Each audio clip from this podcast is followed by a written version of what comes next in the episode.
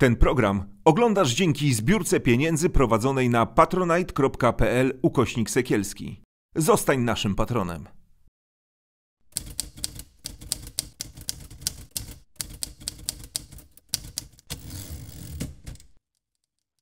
Damian Gruszczyński i kolejne spotkanie z cyklu z innej strony.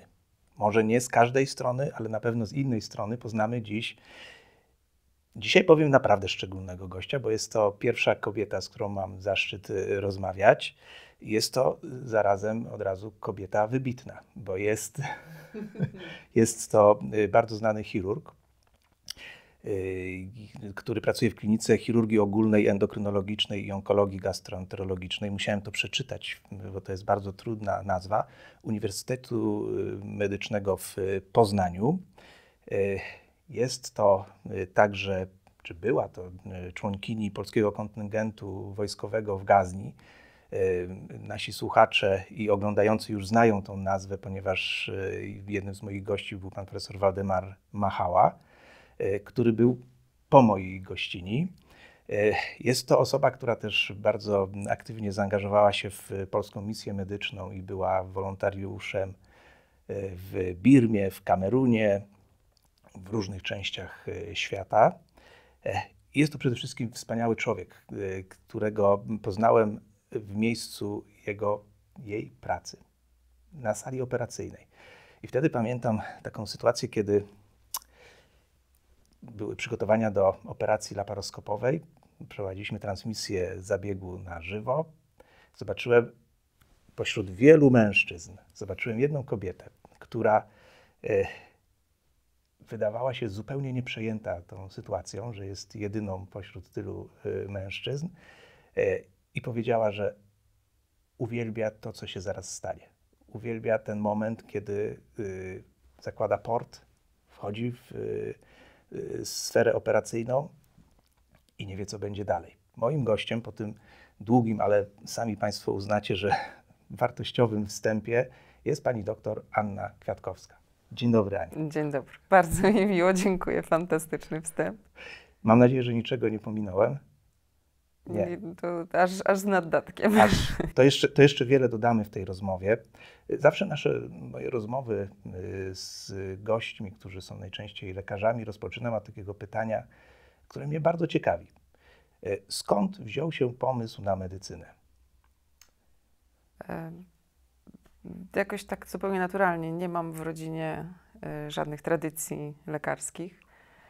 Natomiast wydaje mi się, że najlepszym E, znaczy tym, co najbardziej cieszy moją babcię, która jest e, krawcową, e, a dziadek był masażem. I babcia mnie kiedyś zapytała, powiedz mi wnusiu, to kto to jest ten chirurg? Więc wytłumaczyłam babci, że połączenie krawcowej i masaża daje chirurga, generalnie szyję w tkankach, więc babcia jest niezmiernie dumna z tego, że to po niej. Więc jestem chirurgiem po dziadkach, można chirurgiem tak powiedzieć. Po dziadkach. E, i zaczynałaś e, swoją przygodę w Krakowie. Nie. W Białymstoku. W Białymstoku, Aha. tak. Oryginalnie tak. jestem z Białego Stoku, tak, tam tak, tak zaczynałam tak. specjalizację. E, w trakcie specjalizacji, tak jak wspomniałeś, na czwartym roku wyjechałam do Afganistanu na, na niecałe pół roku i stamtąd już trafiłam do Krakowa i, i prawie 10 lat pracowałam w Krakowie. I tam się szkoliłam tak naprawdę. Tam się uczyłaś zawodu. Tam się uczyłam laparoskopii, tak. Bo skąd w ogóle pomysł na to, żeby związać swoją drogę zawodową z, zawodem, który jest tak naprawdę bardzo zmaskulinizowany, czyli z chirurgią. Prawda? Bo to... Wiesz, tak, to jak, ja, ja na to nie patrzyłam nigdy w ten sposób, czy jest to zawód męski, czy nie męski. No, y, było dla mnie naturalne, jak już poszłam na medycynę, e, o której rzeczywiście marzyłam. E, jak się dostałam do studia, na studia, zawsze wiedziałam, że będę chirurgiem. Po babcia. E, tak, po dziadkowie. Tak więc była to dla mnie zupełnie naturalna ścieżka i się nigdy nie zastanawiałam, czy tam jest miejsce dla kobiety. Oczywiście wielokrotnie słyszałam, że, że to nie jest właściwa praca dla kobiety, że sobie nie poradzę, że to jest zawód typowo męski, co uważam jest zupełnie nieprawdą. No, tak samo jest to fizycznie trudne dla kobiety, jak i dla mężczyzny stanie kilka godzin przy stole. Natomiast uważam, że kobiety mają wiele cech, które wręcz są bardziej pożądane. Opanowanie, Właśnie. Przede wszystkim nie muszą nikomu udowadniać. Ja mam wrażenie, że jeżeli kobieta wie, że coś potrafi, to nie musi o tym mówić wszędzie dookoła. No, takie są a czy nie jest tak, że jest troszeczkę pod takim pod większą obserwacją, pod większym, baczniejszym okiem e, kolegów, koleżanek? Tak. No, ni niestety kobiety swoją pracą muszą dużo więcej e, udowadniać, e, że potrafią, e, że są równie dobrymi e, chirurgami. E, to chyba się tyczy w ogóle całej medycyny i wielu też innych dziedzin, gdzie mężczyznom jest po prostu łatwiej z samej racji tego, że są mężczyznami. Kobiety niestety mają podgórkę, ale jak no, widać po mnie, jak się chce i jest się do czegoś przekonanym, a tutaj naprawdę e, trzeba to kochać. Nie da się e, wykonywać tego zawodu bez, bez pasji. Ja widziałem ten błysk w oku naprawdę wtedy Bo to jest Nie wiem, czy, czy pamiętasz, tak. prowadziliśmy tak, równocześnie tak. Operację Na dwóch salach, e, tak. otwarto. No i ty prowadziłaś jako specjalista wybitny, jeden z najlepszych w Polsce, operację laparoskopową. Tyle wątków mi się nasuwa, że nie wiem od którego rozpocząć, ale rozpocznę od tego, o czym mówiłaś, o tym, że kobietom jest ciężej w chirurgii. Stąd też pomysł, że zaangażowałaś się w tę inicjatywę Kobiety w chirurgii. Tak. Może byś opowiedziała, bo to jest e, bardzo to istotne jest, i ważne. Dość niedawno powstała fundacja e, założona przez e, kobiety, nie tylko e, lekarki, tutaj w Warszawie. fundacja Kobiety w chirurgii. I zaczęła ona zrzeszać wokół siebie kobiety pracujące czy związane z, z, zawodami zabiegowymi, więc są to i kobiety operujące, są instrumentariuszki, położne, pielęgniarki. I dziewczyny naprawdę zaczynają robić świetną robotę, więc zgłosiłam się, jak tylko zobaczyłam, że, że taka inicjatywa powstała, zgłosiłam się z chęcią pomocy. Mm, bo jest bardzo dużo zrobienia na, na tym polu. Już począwszy od samego e, mentoringu, e, pomocy młodym dziewczynom, które myślą o tym zawodzie, ale z racji tego, co słyszą dookoła, a szczerze mówiąc, niewiele się zmieniło przez te kilkanaście lat, kiedy ja zaczynałam y, pracę i, i specjalizację w tym zawodzie, mm, do, w porównaniu do jakby czasów obecnych więc dziewczyny naprawdę mają ciężko. E, też słyszą, że się nie nadają, że nie dadzą rady, a nie daj Boże, jeszcze będą chciały dzieci urodzić, to już, to już w ogóle tego nie pogodzą. Więc jakby fundacja chce im pokazać, że to jest możliwe. Jest tam wiele naprawdę spełnionych mam z kilkoma dziećmi, więc dziewczyny fantastycznie funkcjonują i pracują i są też świetnymi chirurgami. Poza tym dziewczyny chcą, zaczynają robić szkolenia, szkolenia właśnie z laparoskopii, E, dużo jest też pomocy prawnej odnośnie e, mobbingu w pracy, molestowania seksualnego. Są to tematy, które e, tak naprawdę w świecie medycznym są tematami tabu, a spotykamy się z tym codziennie. Jak uczestniczyłam w szkoleniu właśnie odnośnie mobbingu i molestowania seksualnego, to dopiero wtedy sobie uświadomiłam, że ja praktycznie codziennie jestem poddawana molestowaniu seksualnemu w miejscu pracy.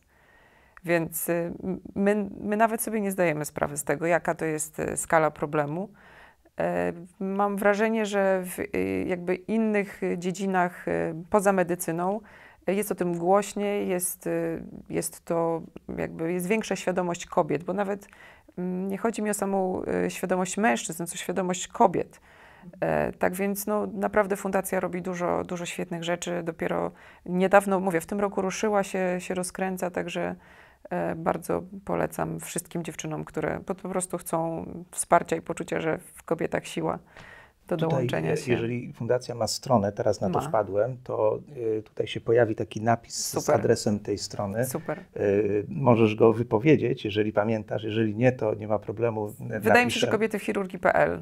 Kobiety, kobiety w chirurgii.pl. Tak, tak, i myślę, że zapraszamy wszystkie zainteresowane przedstawicielki zawodów medycznych e, Bardzo. związanych z chirurgią, ale tak jak mówisz, nie tylko chirurżki, mhm. czy, ale też instrumentariuszki, pielęgniarki, pielęgniarki anestezjologiczne.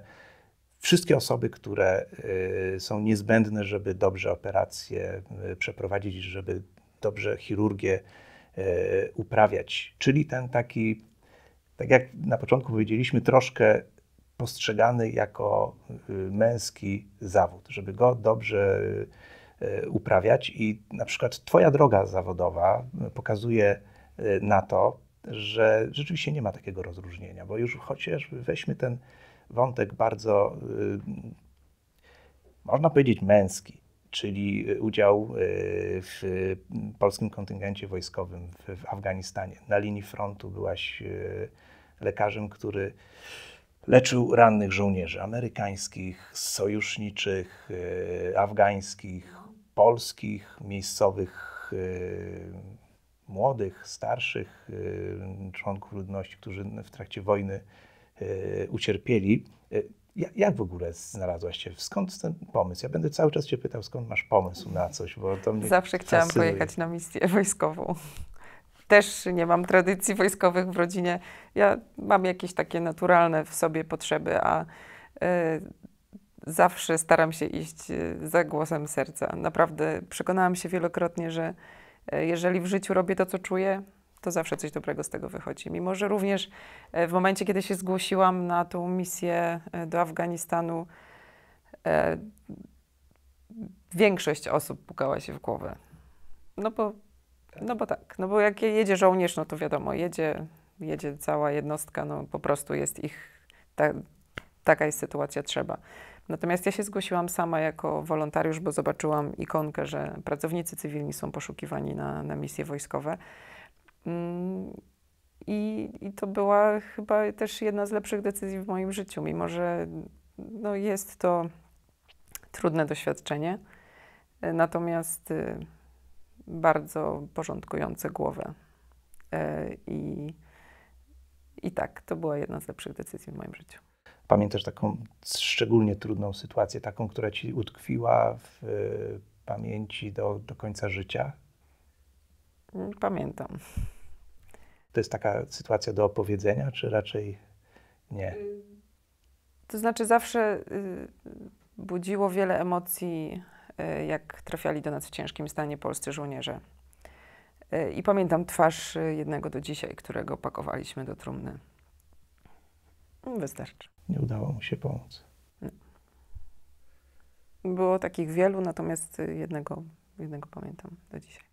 To była zupełnie inna szkoła chirurgii, prawda? To nie było to, co spotykasz na co dzień teraz w swojej pracy Mm, to w zasadzie szkoła takiej chirurgii, której y, raczej nie można doświadczyć w warunkach pokojowych, prawda? I ona Zgadza się. chyba szczególnie uczy Ale to, to, pokory. to jest właśnie też y, to, co mi się bardzo podobało.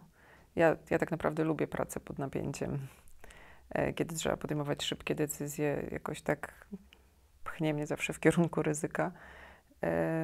Nie, nie na wszystkich polach życia, natomiast y, to, to było coś, y, coś niesamowitego. Duża szkoła, naprawdę. Duża szkoła i też duża szkoła pokory.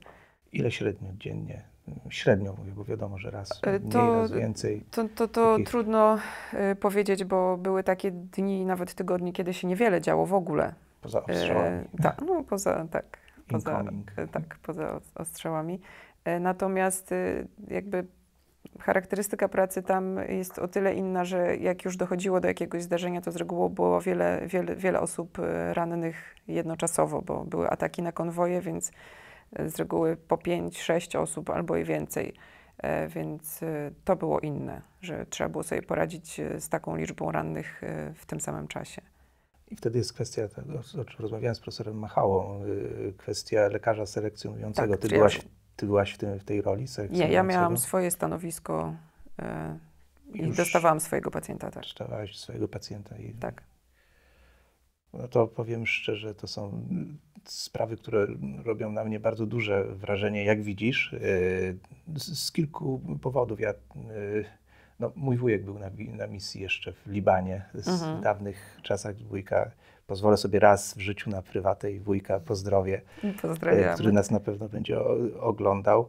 E, ale też oglądałem serial e, Air Coming mhm. z udziałem też profesora Machały, tak. bo to jest ten szpital, w którym tak, ty tak, pracowałaś tak. i widziałem jak raz, że to, to, to nie były warunki naj, najbardziej wygodne. To w porównaniu do sal operacyjnych w współczesnych szpitalach są warunki, można powiedzieć, no, polowe, co by nie powiedzieć, ale one tym bardziej pokazują, jak heroicznych czynów tam dokonywaliście i za to składam wyrazy wielkiego szacunku y, na Twoje ręce dla wszystkich, którzy się w misję Dziękuję. y, angażowali. Pojechałabyś jeszcze raz? Tak. Po Nawet, mia- po cóż nawet miałam taką propozycję, e, natomiast w momencie, kiedy dostałam telefon od e, e, doktora Brzozowskiego, który no, jest fantastycznym chirurgiem, z którym się właśnie poznaliśmy tam w Afganistanie, uczyłam się do egzaminu specjalizacyjnego, więc to, to nie był ten moment. Naprawdę, gdyby ten telefon był kilka miesięcy później, to bym się spakowała bez wahania. Natomiast w tym momencie nie mogłam. E, Później się zgłaszałam, że mogę, ale już e, nie, nie było takiej potrzeby, żeby cywilnych e, lekarzy zabierać, więc e, no nie pojechałam drugi raz, ale, rzeczywiście poje- pojechałabym. Mam nadzieję, że twój szef nas nie słucha.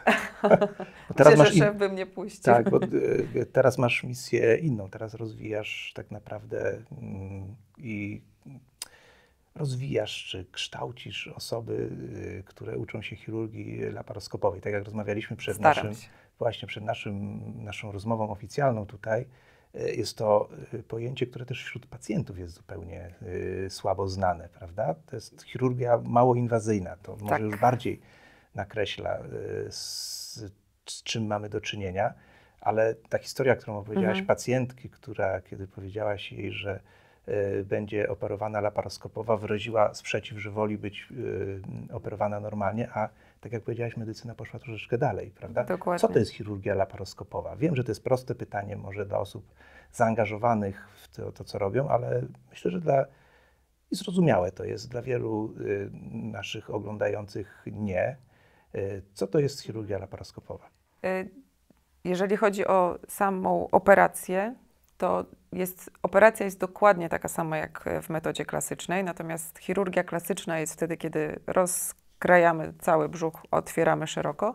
Natomiast w chirurgii laparoskopowej robimy kilka takich pół milim, 5 mm i 10 mm nacięć, przez które wprowadzamy e, specjalne takie porty. Nadmu- robimy odmę, czyli dmuchamy taki e, balonik, robimy sobie przestrzeń w brzuchu e, i wkładamy kamerę. I to, co się dzieje w brzuchu, oglądamy na monitorze e, i operujemy narzędziami w brzuchu bez e, otwierania e, całej, całej jamy brzusznej. Tak więc dla pacjenta e, zakres operacji się niczym nie różni, bo właśnie pacjenci często się buntują, mówią, nie, oni chcą mieć prawdziwą operację, taką, taką naprawdę, a nie taką jakąś taką dziwną. Więc tłumaczę, że to jest, same korzyści z tego wynikają, bo zoperujemy dokładnie to samo, natomiast no, pacjenci mają kilka drobnych y, ranek, y, dużo szybciej idą do domu, y, szybciej się rehabilitują, krócej trwa rekonwalescencja, no więc ze strony pacjenta są same korzyści. Oczywiście są takie zabiegi, których nie ma możliwości y, zrobienia laparoskopowo wówczas się, czy też w trakcie, jeżeli się okazuje, że są techniczne jakieś e, przeszkody, no to wtedy się robi, wyciąga porty i otwiera klasycznie brzuch, więc o tym też informujemy pacjentów, że e, może dojść do zmiany techniki operacyjnej. Jakby operacja sama w sobie jest dokładnie taka sama, tylko jest kwestia podejścia i techniki. E, No chyba tu, tu, tu jest też e, pies pogrzebany. Dla pacjenta może jest i taka sama, nawet e, lepsza w skutkach, bo ten okres rehabilitacji jest dużo krótszy, e, ale dla lekarza jest to chyba dosyć duże wyzwanie, e, prawda? Jeżeli ktoś nigdy tego nie robił, to rzeczywiście tak, no to wymaga czasu, żeby mimo, że efekt operacji jest taki sam, to jest jednak inne podejście w samym preparowaniu, w kolejności e, tego preparowania e, już w środku w jamie brzusznej, więc trzeba się tego nauczyć po prostu.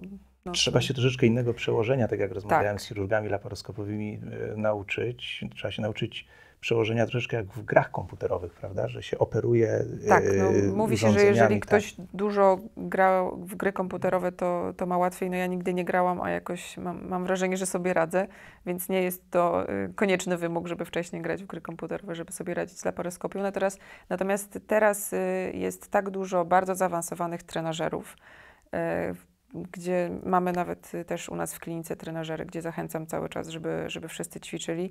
Najproste ćwiczenia, przekładanie kulki z ręki do ręki, przekładanie z jednego pojemniczka do drugiego, no to są, e, to są rzeczy, które po prostu ręka się musi tego nauczyć. E, tak samo operujemy oglądając na monitorze 2D. E, są osoby, które mają problem z widzeniem, z oceną głębokości, Właśnie. ale też no, jakby z pomocą przychodzi technologia 3D. Ja osobiście jakby nie jestem fanką, mi w zupełności się odnajduję e, w tym świecie 2D. Tak się, tak się nauczyłam i, i tak mi się dobrze operuje. Natomiast y, jak najbardziej, jeżeli ktoś ma problemy z, z głębią, to, to 3D i naprzód. Także... I tego uczysz swoich kolegów i koleżanki y, w miejscu pracy, prawda? Staram się, tak. Starasz się. Y, tak jak wspominaliśmy, większość z nich to mężczyźni. Tak. To utrudnia czy ułatwia? W przekazywaniu wiedzy utrudnia. A dlaczego? Jesteś mężczyzną. Ja, ja bardzo chętnie no, słucham mądrych kobiet. Także. E, znaczy, tu akurat nie chodzi o mądrość, tylko y, ja bardzo, y, bardzo dużo dostałam w swoim życiu. E, miałam to szczęście, że byłam uczennicą profesora Andrzeja Budzyńskiego, który jest naprawdę jednym z najlepszych e, chirurgów w Polsce i w tym chirurgów laparoskopowych. I ja bardzo dużo dostałam. Okres y, mojej pracy w Krakowie to, to była jakby nieustanna nauka i pan profesor no, szkolił cały zespół i my wszyscy wynieśliśmy z tego ogromnie dużo i jakby ja teraz chcę się tą wiedzą y, podzielić dalej, mm, ale żeby przyjmować y, to trzeba chcieć, nic na siłę. E, tak więc no, ja się z przyjemnością dzielę. E, tak. Jakby ja, ja nie wiem więcej, bo mnie oświeciło, tylko po prostu ktoś mi tą wiedzę przekazał i ja e, naprawdę chciałabym ją przekazywać dalej. Z tego, co się orientuję, to bardzo dobrze ci to wychodzi, ponieważ mam też głosy z drugiej strony i Twój wkład w rozwój e, kliniki w tym zakresie jest bardzo dobrze widzialny. Bardzo mi miło. Zdradzam tajemnicę. Bardzo mi miło. E, ja jeszcze chciałem zapytać o taką sprawę związaną z chirurgią, y, bo mówi się, że to jest akurat taka dyscyplina, która wiąże się z olbrzymimi y, emocjami. Bądź co bądź, mhm. mamy w dłoniach i w swoich umiejętnościach życie pacjenta. Jak ty sobie radzisz z emocjami, które powstają w trakcie czy po z Twoich wiem, trudnych operacji, czy z szeregu trudnych operacji? Masz jakiś sposób sprawdzony na to, który mogłabyś chociażby tym osobom, które, tym kobietom, mhm. które na przykład chcą y, zasięgnąć y, Twojej rady mentorskiej y, w, w fundacji, o której wspominaliśmy, przedstawić? Z emocjami jest trudna sprawa generalnie i, i nawet próbowałam kiedyś e, o tym z kolegami rozmawiać. Emocji nie ma w trakcie, bo w momencie, kiedy zaczynamy operować, to jest, e, stan, wchodzi się tak, to, to jest e, Widziałem to niesamowi niesamowite. To jest tak. właśnie ta, ta magia, która, e, która się dzieje i e, wtedy wszystkie problemy takie dnia codziennego uciekają. To jest ten moment, kiedy się wyłączamy i rzeczywiście skupiamy się na tu i teraz. E, więc emocji jako takich podczas zabiegu nie ma, ani też nie powinno być, bo to powinno wszystko iść w miarę, w miarę spokojnie. Natomiast rzeczywiście zdarza się, że emocje są po. Może nie, nie jakieś dramaty, ale generalnie no, no, operujemy ciężko chore osoby. Właśnie. E, nie zawsze wszystko e, układa się po naszej myśli, więc Y, no, ja mam ukochaną osobę, z którą mogę porozmawiać zawsze, więc to jest mój sposób na radzenie sobie. Ja muszę przegadać i mam bardzo cierpliwego, mądrego i kochanego partnera, który bardzo mnie wspiera w tym, w tym, co robię i jest takim moim prywatnym psychoterapeutą. Natomiast, tak jak mówię, rozmawiałam z kolegami, to są tacy, którzy mm, nie, nie chcą o tym rozmawiać, wręcz nie potrafią nawet z pacjentami rozmawiać, uciekają od rozmów z pacjentami, no bo to, to są trudne rozmowy i jedni biegają, inni piją, e, no, każdy, każdy próbuje jakieś e, własne ujście znaleźć. Nie, nie ma na to jednej recepty. jednego A schematu. czy tego też w ramach zajęć fundacji uczycie? Y, Nad, nad tym chyba się jeszcze nawet nie zastanawiałyśmy, ale to, to jest dobra myśl, żeby też, też pójść w tą stronę. Też prawda, Tak, wyposażyć to jest- wiedzę to jest w tym, fajne. jak, Mhm. jak sobie radzić z tym. Tak. Bo to, e, ja jestem pełen podziwu, bo tak mówię troszeczkę z innej strony. Tak się zaangażowaliśmy w rozmowę, że aż nogi nam Tak. ścierpły. Ja po prostu widzę waszą, waszą pracę z innej strony troszeczkę, Mhm. bo realizujemy bardzo dużo transmisji z takich zabiegów. E, Widziałem wiele operacji, e, widziałem w jaki wchodzicie stan. e, Co prawda niektórzy z was potrafią w trakcie tego bardzo dużo opowiadać o tym, co robią i jednocześnie zarządzać polem operacyjnym, zarządzać zespołem, e, ale to, to naprawdę wymaga no, potężnego opanowania. I y, tego opanowania też chyba się mogłaś nauczyć y, w- kolejnych skrajnych warunkach, czyli y, w trakcie polskiej, działania w polskiej misji medycznej w Birmie czy w Kamerunie, prawda? Bo Mhm. tam, tam spotykałaś jeszcze inny typ pacjentów, takich, którzy nawet często lekarza nie widzieli y, nigdy w Tak. swoim życiu, prawda? I to było też wyzwanie. Tam się uczyłaś opanowania i emocji. Tak, tam trzeba sobie umieć y, naprawdę. To są najba- to, to były chyba najbardziej ekstremalne warunki. Tak, nawet bardziej y, niż Afganistan. Bardziej. Znaczy w Tak? Afganistanie no, były z innego powodu, bo, no, bo do nas strzelano, więc Tak. jakby tam było cały czas poczucie zagrożenia. Natomiast w Mianmie rzeczywiście trzeba sobie było radzić e, z ardzewiałymi narzędziami. e, Często przy awariach prądu e, nitki przywiozłyśmy ze sobą. Byłam ja i anestezjolożka, byłyśmy we dwie. Bo tam tak parami, parami są wysyłane zespoły. I rzeczywiście no, tam i warunki i, i higieniczne, i sanitarne, i każde inne, to, to pod tym względem było trudne. E, Natomiast no, pacjenci niesamowici. No, I byłyście we, dwie na i- przez ilu, miesiąc. Byłyśmy tam na przez ilu, ilu miesiąc. pacjentów?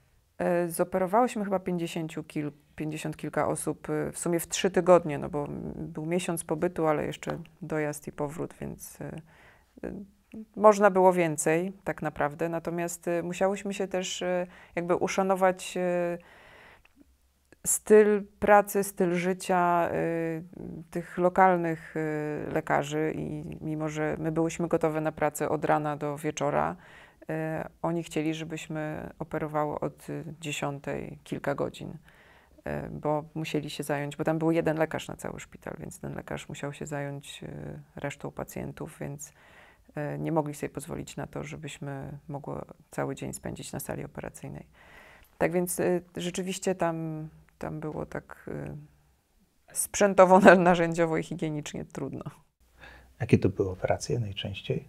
E, tarczyce, przepukliny, jakieś tam drobiazgi, wycinanie guzków z różnych części ciała, narośli, e, wodniaki jąder u dzieci, przepukliny u dzieci. Czyli chirurgia ogólna, od A do Z można powiedzieć. Nie, było, nie, nie robiłam dużych brzusznych zabiegów, no to by było rzeczywiście... Nie w tych warunkach, nie. prawda? Tak, tak. Też nie było takiej potrzeby, bo operowałyśmy y, te osoby, które się po prostu zgłosiły, więc... I koronne pytanie znowu, skąd pomysł na to? Och, to jest kolejny temat rzeka, ponieważ y, na misję wyjeżdża się, y, mam wrażenie, że bardziej nawet dla siebie niż dla innych. Może to, co mówię, nie jest zbyt y, popularne, ale mimo tego, że dużo z siebie dajemy, bo jesteśmy wolontariuszami, no, nie dostajemy wynagrodzenia finansowego, natomiast dostajemy dużo więcej, mam wrażenie, niż dajemy. Takie wyjazdy Y, Ja tak mam, że tak mniej więcej wytrzymuję dwa lata i znowu muszę wyjechać. Kiedy ostatni raz byłaś? Y, No, 2019. Nie, nie, potem jeszcze, jeszcze w ubiegłym roku byłam y, z kolei z y, Polskim Centrum Pomocy Międzynarodowej w Libanie po, po wybuchu y, tam w porcie, więc wtedy tak, ale to, to był zupełnie inny wyjazd. Natomiast na taki, to był 2019, jak byłam w Mianmie. Więc wypada, hmm, wypada ten rok, nie wiem, zobaczymy, pandemia trochę zmieniła. Ale to, to jest potrzebne. To jest potrzebne, żeby zobaczyć, że co, co jest ważne w medycynie, e, po co my w ogóle to robimy. E, przestać się denerwować na wszystko, na to, że nie ma gazików w jakimś rozmiarze, kiedy są miejsca na świecie, gdzie po prostu są zardzewiałe narzędzia i, i się nimi też da operować. To bardzo, bardzo polaryzuje naszą głowę i nasze problemy. E, tak więc ja, ja mam wrażenie, że ja osobiście dużo więcej czerpię z takich wyjazdów niż daję, daję od siebie. Mam tutaj zapisane takie pytanie, na które częściowo mhm. odpowiedziałaś. Co zyskałaś, a co straciłaś podczas wolontariatu i Zyskałam misji? wszystko. Zyskałaś, powiedziałaś, a czy coś to straciłaś? Chyba nic nie straciłam. Nie, straciłaś jakieś nie złudzenia, może? Nie. Nie, nie, nie. Nic. To, Czyli to wręcz ja odbudowuje wszystko. się moja wiara w ludzkość Tak? na takich wyjazdach, tak. E, Bo Mimo tego, że jest to wojna? tak, Mimo tego, że są to warunki skrajnie ale trudne, tam, tak? tam pacjent powie dziękuję, e, a tutaj pacjent na nas krzyczy. E, Więc e, w momencie, kiedy lekarze w Polsce chodzą sfrustrowani ze względu, ze względu na i zarządzanie, i to, co by chcieli, a nie mogą, i na to, że pacjenci się na nas wyżywają, bo, bo niestety tak jest. No, to nie jest moja wina, że, że kolejka wynosi tyle. No, naprawdę, to ktoś odgórnie zarządza tym całym systemem ochrony zdrowia, e, a my stajemy tak naprawdę twarzą w twarz z pacjentem, więc na lekarzy, y, na personel są wylewane wszystkie żale. Natomiast jak się jedzie w miejsce, gdzie, tak jak mówiłeś, wiele osób nigdy nie widziało lekarza albo nie ma go w promieniu 100 czy 200 kilometrów, e, to ta osoba nie narzeka na to, że tego lekarza nie ma, tylko dziękuję, że ktoś do niego przyjechał. Też mogłaby do mnie przyjść i powiedzieć, dlaczego tutaj codziennie kogoś nie ma. Albo że dlaczego w tej wiosce, a nie w innej. Tak więc y, naprawdę taka czysta wdzięczność za, za to, że się po prostu jest, mimo że niekiedy wcale nie robimy wielkich rzeczy. E, To jest niesamowite i to, to przywraca tą wiarę y, w ludzkość, to, tak jak wspomniałam wcześniej. Czyli wszystko in plus, to bardzo. Wszystko im plus. Wszystko plus. Masz jeszcze jedną bardzo e, piękną umiejętność e, i w ten sposób będę chciał e, poruszyć jeszcze jeden ciekawy temat. Masz e, piękną umiejętność prowadzenia sesji naukowych. Dziękuję. W tym miejscu, tylko z troszeczkę innym tłem, nie dalej niż dwa tygodnie temu, jako wybitny specjalista w chirurgii bariatrycznej prowadziłaś wspólnie sesję dotyczącą bariatrii z jednym z najsły- najsłynniejszych pacjentów bariatrycznych Tak w Polsce, się z, złożyło. Tak. z mm, Tomkiem Sekielskim i e, mimo, że na początku, jeszcze przed wejściem na wizję byłaś zestresowana, to wtedy, kiedy tylko e, realizator dał hasło kamera akcja, e, tak jak na wojnie, stres zniknął i poprowadziłaś świetną sesję, bo to w ogóle też i świetny temat, bardzo ciekawy temat i wdzięczny temat. E, Chirurgia bariatryczna. Powiedzieliśmy już, co to jest chirurgia laparoskopowa. Chirurgię bariatryczną też laparoskopowo się uprawia, ale nie wszyscy wiedzą, co to jest chirurgia bariatryczna. E, Innymi słowy, chirurgiczne leczenie otyłości. E, Czyli operacje na przewodzie pokarmowym to, to nie są operacje plastyczne, tak jak niektórzy przychodzą rzeczywiście do poradni skonsultować się w sprawie otyłości i liczą na to, że nadmiar tłuszczu im wytniemy z brzucha, to to, to nie tak się odbywa. To są, to jest, e, są operacje na przewodzie pokarmowym. E, Już nie wchodząc e, w, szczegóły i w ich rodzaje, które skutkują tym, że po pierwsze, jakby to, co jest najbardziej widoczne, pacjenci tracą masę ciała, no a poza tym zaczynają, się- zaczynają się generalnie zdrowotnie poprawiać, więc ten efekt metaboliczny spadku ciśnienia, leczenie z e, cukrzycy, e, ze wszystkich zaburzeń e, cholesterolowych, no generalnie poprawia się praktycznie wszystko w momencie, kiedy, kiedy wracają do prawidłowej masy ciała. Tak więc tak, to jest jeszcze ta działka, którą się zajmuję. I każdy może być, z, każdy z otyłością y, olbrzymią, czy też może nie z otyłością olbrzymią, ale też z każdym innym typem otyłości może być pacjentem bariatrycznym? Czy... Jeżeli spełnia warunki y, kwalifikacji, czyli BMI powyżej 40 y, bądź BMI powyżej 35 i choroby współistniejące, to tak. E, To w Polsce jest jeszcze dosyć mało znany sposób leczenia. Y, No to już ponad, to już kilkanaście lat w Polsce są wykonywane zabiegi ale znany jest dosyć mało. Y, no, otyłość nie jest y, chwytliwym tematem. Właśnie.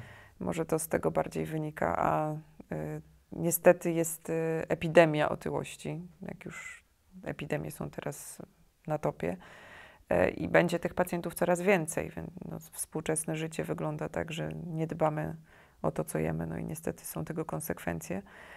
E, tak więc no, nie, nie, szalenie istotne jest uświadamianie e, przede wszystkim, bo to od tego trzeba zacząć, jak nie dopuścić do, do rozwoju otyłości olbrzymiej, ale też, żeby dotarło do jak największej rzeszy osób, że jest na to lekarstwo, ponieważ Tak. otyłość jest chorobą. Chorobą. Nie jest to kwestia e, wizualna. e, Nie jest to kwestia zaniedbania. nie, nie, to, jest to już właśnie- otyłość olbrzymia jest chorobą, którą trzeba leczyć, a chirurgiczne leczenie jest jednym ze sposobów. Jest ostatecznością, bo to też nie jest tak, że e, każdy pacjent y, powinien być operowany.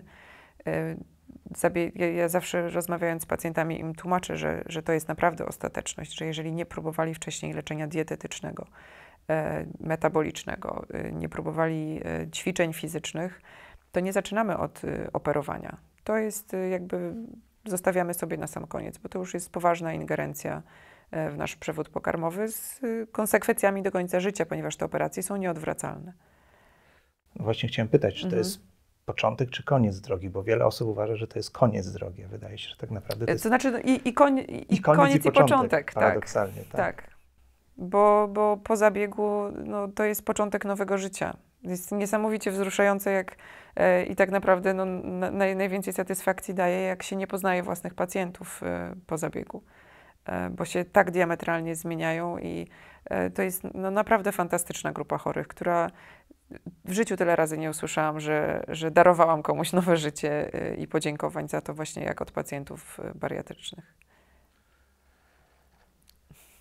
I nic tylko propagować. Tak, nic tylko uczestniczyć w takich sesjach, które, po, które poprowadziłaś. Jak się czułaś jako, można powiedzieć, troszkę dziennikarz? Dobrze w sumie. To nowa rola? To E, może. aż strach. Ja wrócę do operowania. Wrócisz do operowania. Tak, zdecydowanie. A y, tak na koniec Cię zapytam, jak już wracasz do domu, jak już wszystko opowiesz, y, co masz do opowiedzenia, to gdzie znajdujesz ten czas na reset? Jaki masz sposób na reset? Nie na odpoczynek, na reset. Na reset. Znaczy, Miałem tutaj zadanie, ale mi nie wyszło z O. rozpoznawaniem rasy psów. och, no ja mam swojego ukochanego pieska. To może zrobimy. On to aż taka dobra to w rasach nie jest. To będą, coś będzie jeszcze gorsze, bo to będą szczeniaki. Ach, to szczeniaki to w ogóle są No, wszystkie chociaż- cudowne. To chociaż, to, to oczywiście później zobaczą to. Okej. Dwa, bo trzeci się chyba nie udało, ale trzeci to ty powiesz, to jaka to jest, jaki to jest szczeniak jakiej rasy? To jest border collie. Brawo. Ach, to moja przyjaciółka ma. A gdzie jest Jeden, Y, w bok, y, w ten bok? W drugi. Y, to będzie husky. tak, Ale- mm. a trzeci to już, A trzeci już nie. trzeci to pokażę Mhm. później, bo to jest rasa, którą ty masz, najwspanialsza. Opowiedz o tym. Tak. Och, nie, Tak, no tak, mój tak. piesek jest y, przecudowny. Mam goldenka. Właśnie, to Tak. piękne psy. Golden Retriever. Jeszcze szczeniak, y, więc. y, Tu byś go poznała. A, bez, bez, bez dwóch zdań, bez wątpliwości. A Nie to lubię. hodujesz tak y, profesjonalnie? A nie skąd? Tylko po prostu Tak, masz nie, ja kocham tylko. przyjaciela, który cię poznaje. Tak. Jeszcze tak na tak, Tak, długo tak, nie tak. wyjeżdżasz. jak na- Poznaje, czeka, cieszy się, tak więc jest przecudowny. Ale miałaś go, w, masz go od niedawna. E, od listopada, października. Października, od października. Bo widziałem taki film, jak wraca z misji wojennej Tak. żołnierz i go po pewnym czasie rozpoznaje dopiero pies. To Tego, tego jeszcze nie, Jeszcze nie, nie, nie, nie, tego jeszcze nie. No jak, jak, jak pojadę pewne, może kiedyś na kolejną misję, to tak będzie. Chociaż teraz to już nie będzie takie proste, żeby wyjechać i zostawić pieska. Teraz musiałabyś połączyć wszystko naraz, czyli na takiej misji musiałabyś, Zrobię uczyć. z niego psa ratowniczego. Też O. już, też już o tym myśleliśmy. tak? one się jak najbardziej nadają do poszukiwania osób, tylko patrząc na, na, na mojego Guptasa, to jeszcze długa droga przed nim, ale generalnie jest to sposób na wspólny wyjazd na misję. Tak. E, ja też myślałem, że jak na misję już byś miała pojechać, to musiałabyś wszystko razem zrobić, czyli uczyć na tej misji laparoskopii. Musiałabyś też e, pracować na rzecz lokalnych społeczności i musiałabyś też wszystkie koleżanki zebrać mhm. i założyć fundację kobiety w wojskowej chirurgii. A, to, to, wojennej chirurgii. Wojennej. To nie, no to na wojnę może nie czekajmy, ale rzeczywiście jest pomysł, na, jest taka organizacja Flying Doctors, a jako, że mój partner jest pilotem, może być tą częścią flying, ja mogę być doktor i da się wszystko połączyć, jak się chce. I chyba nikt tego lepiej od mojego dzisiejszego rozmówcy, nie, rozmówczyni, jeżeli rozmawialiśmy o feminatywach, nie, nie, nie robi. Bardzo Ci dziękuję za rozmowę. Mam nadzieję, że stała się ona inspiracją dla wielu słuchających i słucha, słuchaczy, za słuchaczów. Jak mówiliśmy, płeć nie ma tak naprawdę znaczenia i do tego zmierzamy. Bardzo, Bardzo Ci dziękuję. dziękuję. Również. Dziękuję. Ten program oglądałeś dzięki zbiórce pieniędzy prowadzonej na patronite.pl ukośnik sekielski. Zostań naszym patronem.